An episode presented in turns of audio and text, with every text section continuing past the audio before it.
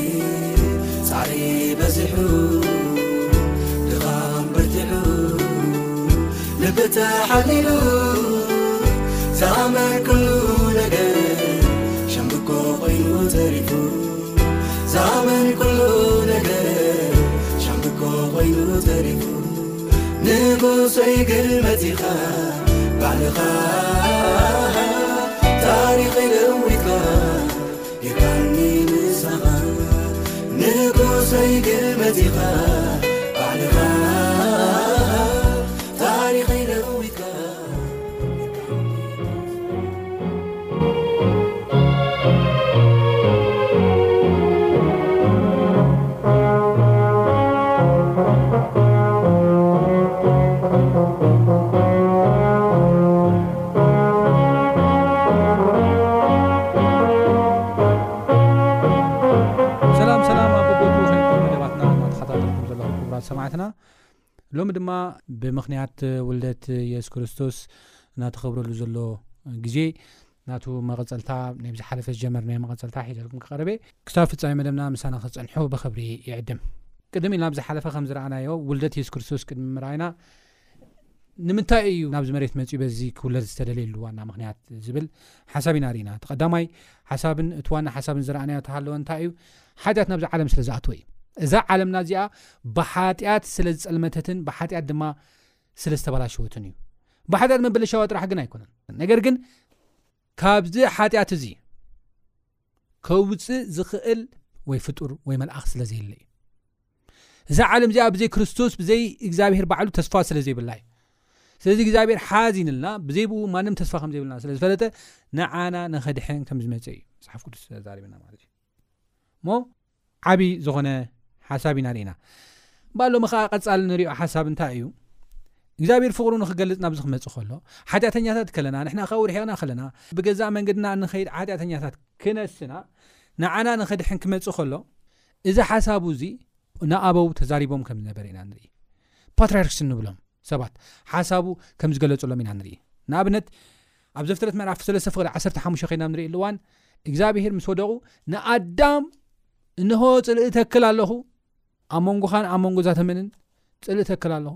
ንሱ ርእስኻ ክጭፍልቕ ካብ ዝረኣ ዝውለድ ካብ ሄዋን ዝውለድ ርእሱ ክቅጥቅጥ እዩ እቲ ተመን ከዓ ሸኾንኡ ክነክስ እዩ ዝብል ሓሳብ ተዋሂቦም ከም ነበረ ኢና ንርኢ እዛ ሓሳብ እዚ ኣዳም ከም ኣዳም ድሕሪኡ ድማ ዝመፁ ናይ ቤተሰብ ሓላፍቲ ኣቦታት ብምልኦም ከም ሓለፍቲ ናይ እግዚኣብሔር ተወከልቲ ኮይኖም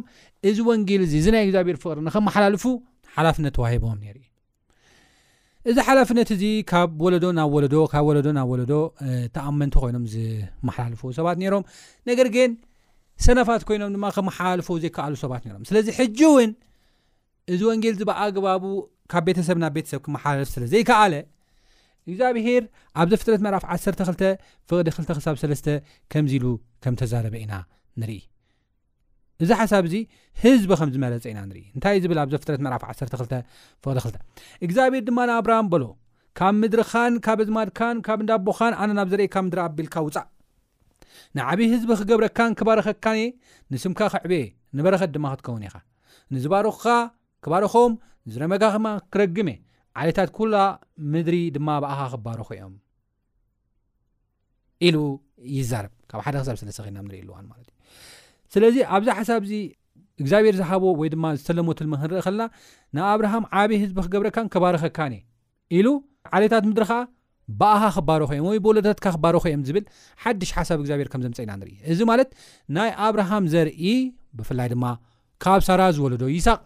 ዘርኢ ንሶም ፍሉያት ህዝቢ ገይሩ መሪጹ እቲ ሓሳቡን እቲ ናቱ ትልሚን ንዓለም ንኸፍልጥ ከም ዝወሰነ ኢና ንርኢ ማለት እዩ በዚ መልክዕ እዚ ዓቢ ህዝቢ ኮይኖም በዚሖም ከምቲ እግዚኣብሔር ዝበሎ ጸኒሑ እውን ኣብ ዘጸኣት ምዕራፍ ዕስራን ሓሙሽተን ፍቕዲ ሸሞንተ ኣብ ማእኸልኩም ክነብር መቕደስ ስርሑለይ ኢሉ ኣብ መቕደስ ኣብ ማእኸሎም ሓዲሩ ብምሳልያዊ ዝኾነ ኣሰራርሓ እቲ ናይ እግዚኣብሄር ሓሳብ ብምሉ ብቤተ መቕደስ ከም ዝገለጽሎም ኢና ንርኢ ናይ ቤተ መቕደስ ትምህርቲ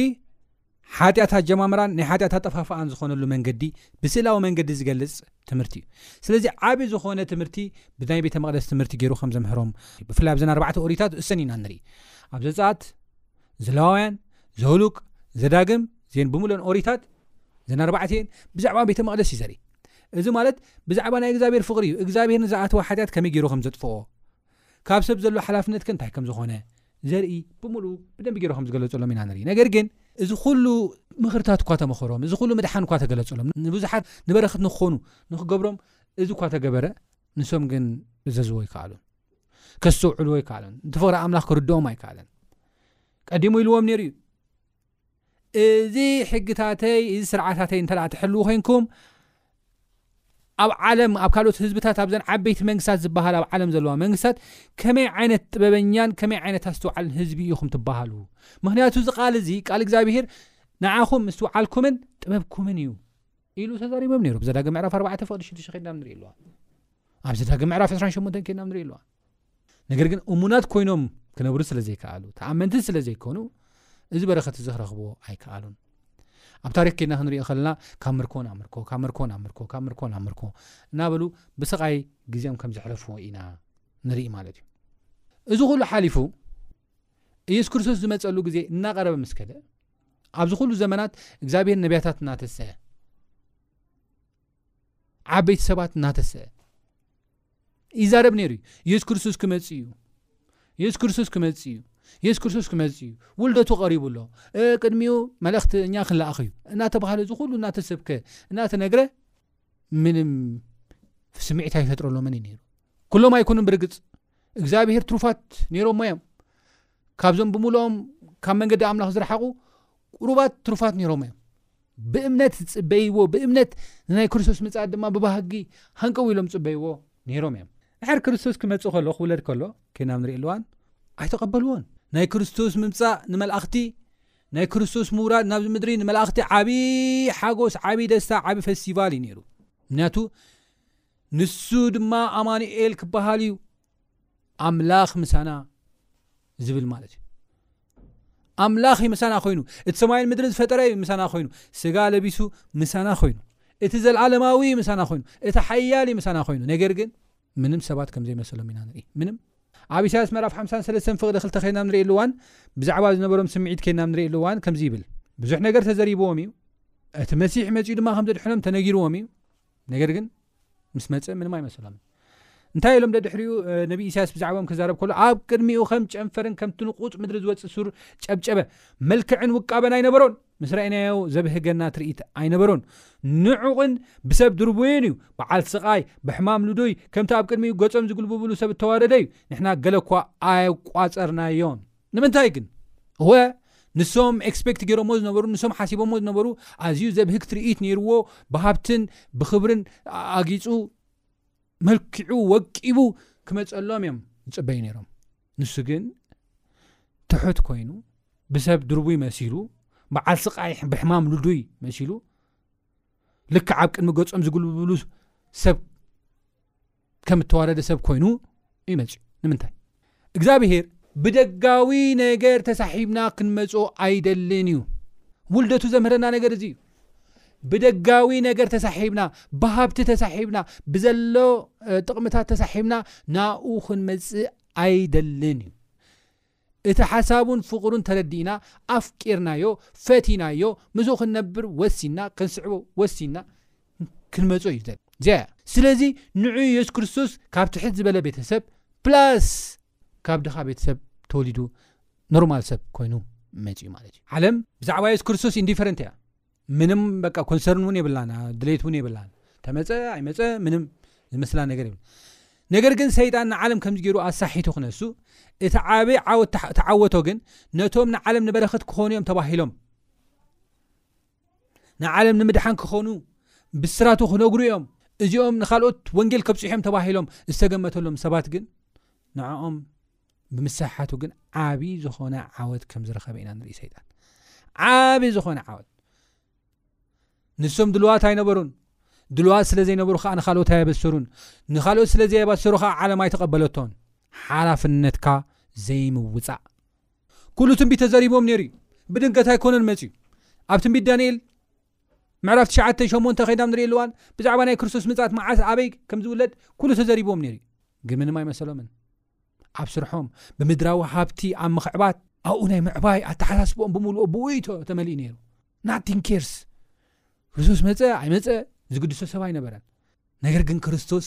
ናይ ህይወቶም ቁልፊ እዩ ነይሩ ናይ ምንባሮም ቁልፊ እዩ ነይሩ ንክትዓቢ ናይ ምድራዊ ሓሳብ ንክትሓስብ እኳ ንባዕሉ ዓንዲ ሕቆ ኮ የድልካ ዩ ህወት የድልካ ኮዩ ህወት ተደይብልካ ምድራዊ ክትሓስብ ኣይትኽእል ኒኻ ተሃሊኻ ኢኻ ስለ ምድራዊ እውን ክትሓስብ ትኽእል ተሃሊኻ ኢኻ ኣብ ምድራዊ ን ክትሰርሕን ክትዓይን ክትጎይን ትኽእል እዚ ፈለጥዎን ናይ ህይወቶም ቁልፊ እዩ ነይሩ ናይ ህይወቶም ዋና እዩ ነይሩ ተስፍኦም እዩ ነይሩ ረዳኦም እዩ ነይሩ ኣብ መንገዶም ዓወት ዘምፀሎም እዩ ነይሩ እዚ ግን ኣይተገንዘብዎን ኣይተገንዘብዎን ስለ ዘይተገንዘብዎ ከዓ ናይ ክርስቶስ ምምፃት ንዖም ምንም ኣይመሰሎምን ካብ ዝገርም ምናልባት ኣብ ዝቕፅል ሓሳብ ክንሪኦ ንኽእል ኢና ክርስቶስ ክመጽእ ከሎ እኳ እቲ ናይ ሰማይ መልእኽቲ ዓጂቦም ዝለኣኽዎ ሰማያት ክውለድ ከሎ እልል ዝበልሉ ዝተሓጎስሉ ኣዝኦም ሰፍ ዝበልሉ ዓብ ጎይታ ናብዛ ምድሪ እዚኣ ክመፅ ከሎ ኳ ንክርስቶስ ግን ኣብዛ ምድሪ እዚኣ መደቀሲ እኳ ይትረክበሉ መዕረፊ ኣጋይሽ እኳ ይትረክበሉን ንሱ ግን እሙን እዩ ከምታ ዝበላ ኣብ ገላትያ ምዕራፍ 4 ፍቅዲ 4 ከይና ንሪኢ ኣለዋን ምልኣት ዘመን ምስ መፀ ግና ኣብ ትሕቲ ሕጊ ዘለዉ ተሻይጡ ዋጋ ከፊሉ ህወቱ ከፊሉ ምእንቲ ከድሕኖም ወይ ድማ ምእንቲ ከውፅኦም ንሕና ውሉድ ምእንቲ ክንረክብሲ ኣምላኽ ነዚ ካብ ሰበይት ተወልደ ትሕቲ ሕጊ ዝኾነ ወዱ ልኣኾ ይብለና ከምዚ ዓይነት ዓመፅን ከምዚ ዓይነት ግዴለሽነትን ከምዚ ዓይነት ሸለልትነትን ኣብ ሂወትና እናረኣየ እኳ ኣይተጣዕሰን ኣይተቐበሉን እዚኦም ኢሉ ኣይተጣዕሰን ኣይገደፎን እግዚኣብሔር ይመስገን ከማን ኣይኮነን ኣምላኽ እዩ ፈቃር እዩ ሓደ ሓደ ሰባት ኣምላኽ ከም ሰብ ገይሮም ዝርእዎ ኣለዉ ኣምላኽ ከም ሰብ ኣይኮነን ዕጉስ እዩ እዚ ሓሳብ እዚ ቅድሚ ኢለ ዘንበብኮ ዘርእና እንታይ እዩ ዘርእና እንተላኢልና ኣብ ኣምላኽ ምድንጓይ ኮነ ምቕልጣፍ ዝበሃል ነገር የለን ምናልባት ብዙሓት ሰባት ደንጉዩ ክብሉ ይኽእሉ እዮም መፅሓፍ ቅዱስ ዘየንብቡ ኣርባዕተ ሽሕ ዓመታት እኳ ሓሊፉ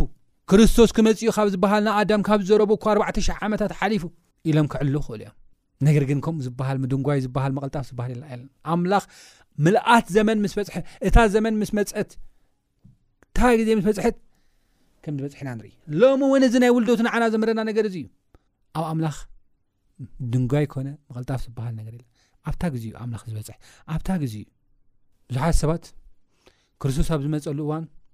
ብብዙሕ ፅንፅዋያትን ብዙሕ ዘይጠቅም ንህይወትካ ዘይጠቅም ፅንፅዋያትን ሕንቅል ሕንቅሌታትን ዝስቕልካ ወረን ተፀሚዶም ከም ዝነበሩ ኢና ንርኢ ንህይወቶም ዘይጠቅም ነገር ግን ናይ ክርስቶስ ውልደት ንብዙሓት ኣብ ዝቐጽል ክንርእ ኢና ብሰፊሕ ምንቕቓሕ ከም ዝፈጠረ ኢና ንርኢ ምንቕቓሕ ብርትዐ ከም ዝፈጠረ ኢና ንርኢ ኣህዛብ እኳ ከይተረፉ ምንቕቓሕ ከም ተፈጥረ ኢና ንርኢ ወ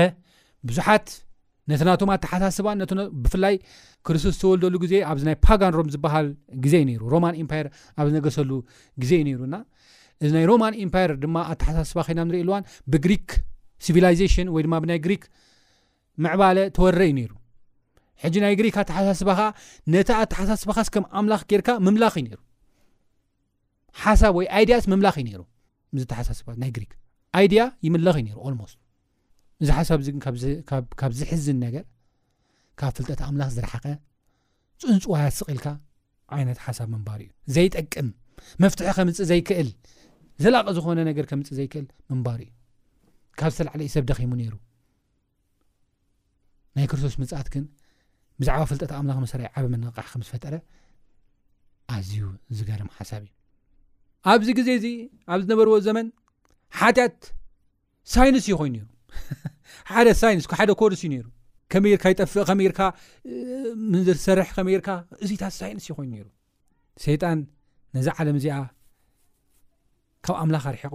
ኣብ ኣዝዩ ናይ ሓጢኣት ባርነት ክሳብ ክንደይ ሸይሞ ከም ዝነበረ ናይ መወዳእታ ደረጃ ዝበሃል ናብ ኣብፅሑ ከም ዝነበረ እዩ ዝነገረና ማለት እዩ ካብዚ ነገር እዚ ኣውፅኡ ግን ሓድሽ ፍጥረት ክገብር ዝኽእል ካብዚ ነገር እዚ ውፅኡ ግን ንኣምላኽ ክንሰግደሉ ብፍቕሪ ንኣምላኽ ክንሰግደሉ ብእምነት ክንዝምረሉ ዘኽእል ግን ናይ ክርስቶስ ጸጋይ ናይ ክርስቶስ ህይወትን ሞቱን እዩ እሞ ክቡራ ስምዓትና ሎሚ እውን እንተኾነ ክርስቶስ ዳግም ክመጽእ እዩ ሎሚ ሕጂ ስለ ውልደት እኳ ተተዛረብና ክርስቶስ ዳግም ክመጽእ ይኽእል እዩ ክመጽእ እዩ ስለዚ ሎሚ እውን ነቲ ፈጣሪ ህይወትና መድሓኒ ዝኾነ ህይወትና ናይ ህይወትና ቁልፊ ዝሓዘ መፃእ ተስፋና ዝሓዘ ኢየሱስ ክርስቶስ ሎሚ እውን ልብና ንሃቦ ናብኡ ንምፃእ ቃሉ ነንብብ ብኡ ንደነቕ ከም ፍቓዱ ክንመላለስ ድማ ንጸልይ ናብኡ ንቕረብ ምናልባት ዘመን እዚ ከምቲ የሱስ ክርስቶስ ዝመፃሉ ናይ ሮማን ግዛኣት ግዜ ከቢድ ክኸውን ይኽእል እዩ ሰባት ዝጭነቕሉ ብብዙሕ ነገር ድማ ዝፍተንሉ ግዜ ክኸውን ይኽእል እዩ ሓድ ሓደ ግዜ ነዚ ግዜ እዚ ተጠቂሙ ሰይጣን ኖ በቃ እግዚኣብሔር ገዲፍካ እዩ ረሲዒካ እዩ ክብለካ ኸእል እዩ ነገር ግን እግዚኣብሔር ኣይረስዕን እዩ ኢማጅን ኣርባዕተ ሽሕ ዓመት ንኣዳም ካብ ዝኣተወሉ ተስፋት ሒዙ ኣርባዕተ ሽሕ ልዕሊኡን ዓመታት እግዚኣብሔር ኣይረስዖን ተስፉ ይረስዐን ድሕሪ ኣርባዕተ ሽሕ ዓመት ኣብታ ግዜኡ ኣብታ እዋኑ ምልኣት ዘመን ምስ በፅሐ ይበንፅ እዩ ንዓኻ ግና ይርስዓካ ንዓኻ ውን ሎማ ኣይርስዓካ ንዓኻ ውን ሎማ ይርስዓክን ዝርስዕ ኣምላኽ ኣይኮነ ምሳኻ እዩ ቀረባኻ እዩ ንዓኻ ከድሕን እዩ ክመፅእ ይመፅእ እውን ዘሎ ዘሎብ ቀረባኻ ውን ንሱ እዩ ብኣምላኽ ንእመን ናብ ኣምላኽ ንቕረብ እቲ ዝሓለፈ ናይ ውልደት ታሪኹ